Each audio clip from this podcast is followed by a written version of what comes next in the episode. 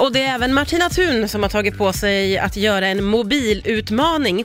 Jag pratade ju med en överläkare igår som menar att eh, dels så blir vi disträ och glömska av att hålla på med våra skärmar för mycket, men det påverkar också vår sömn på ett väldigt negativt sätt.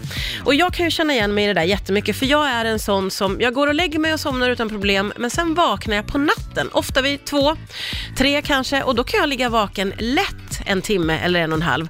Och vad gör man då om inte plocka fram sin mobil och scrolla lite på Instagram eller spela lite något spel?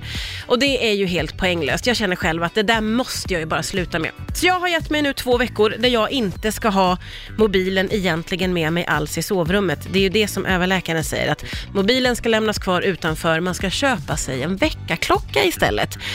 Det har inte jag gjort än, men jag tänker göra det. det. Jag började i alla fall min utmaning i natt, natten som gick och då hade jag ju faktiskt mobilen med mig in i sovrummet. Men när jag vaknade som vanligt klockan två så tittade jag inte på den och då somnade jag faktiskt om ganska snabbt igen. Så det är möjligt att det kan finnas någonting i det här, men jag återkommer om ett par, tre dagar och som sagt var, det känns ju alltid roligare om man får göra en utmaning tillsammans med andra.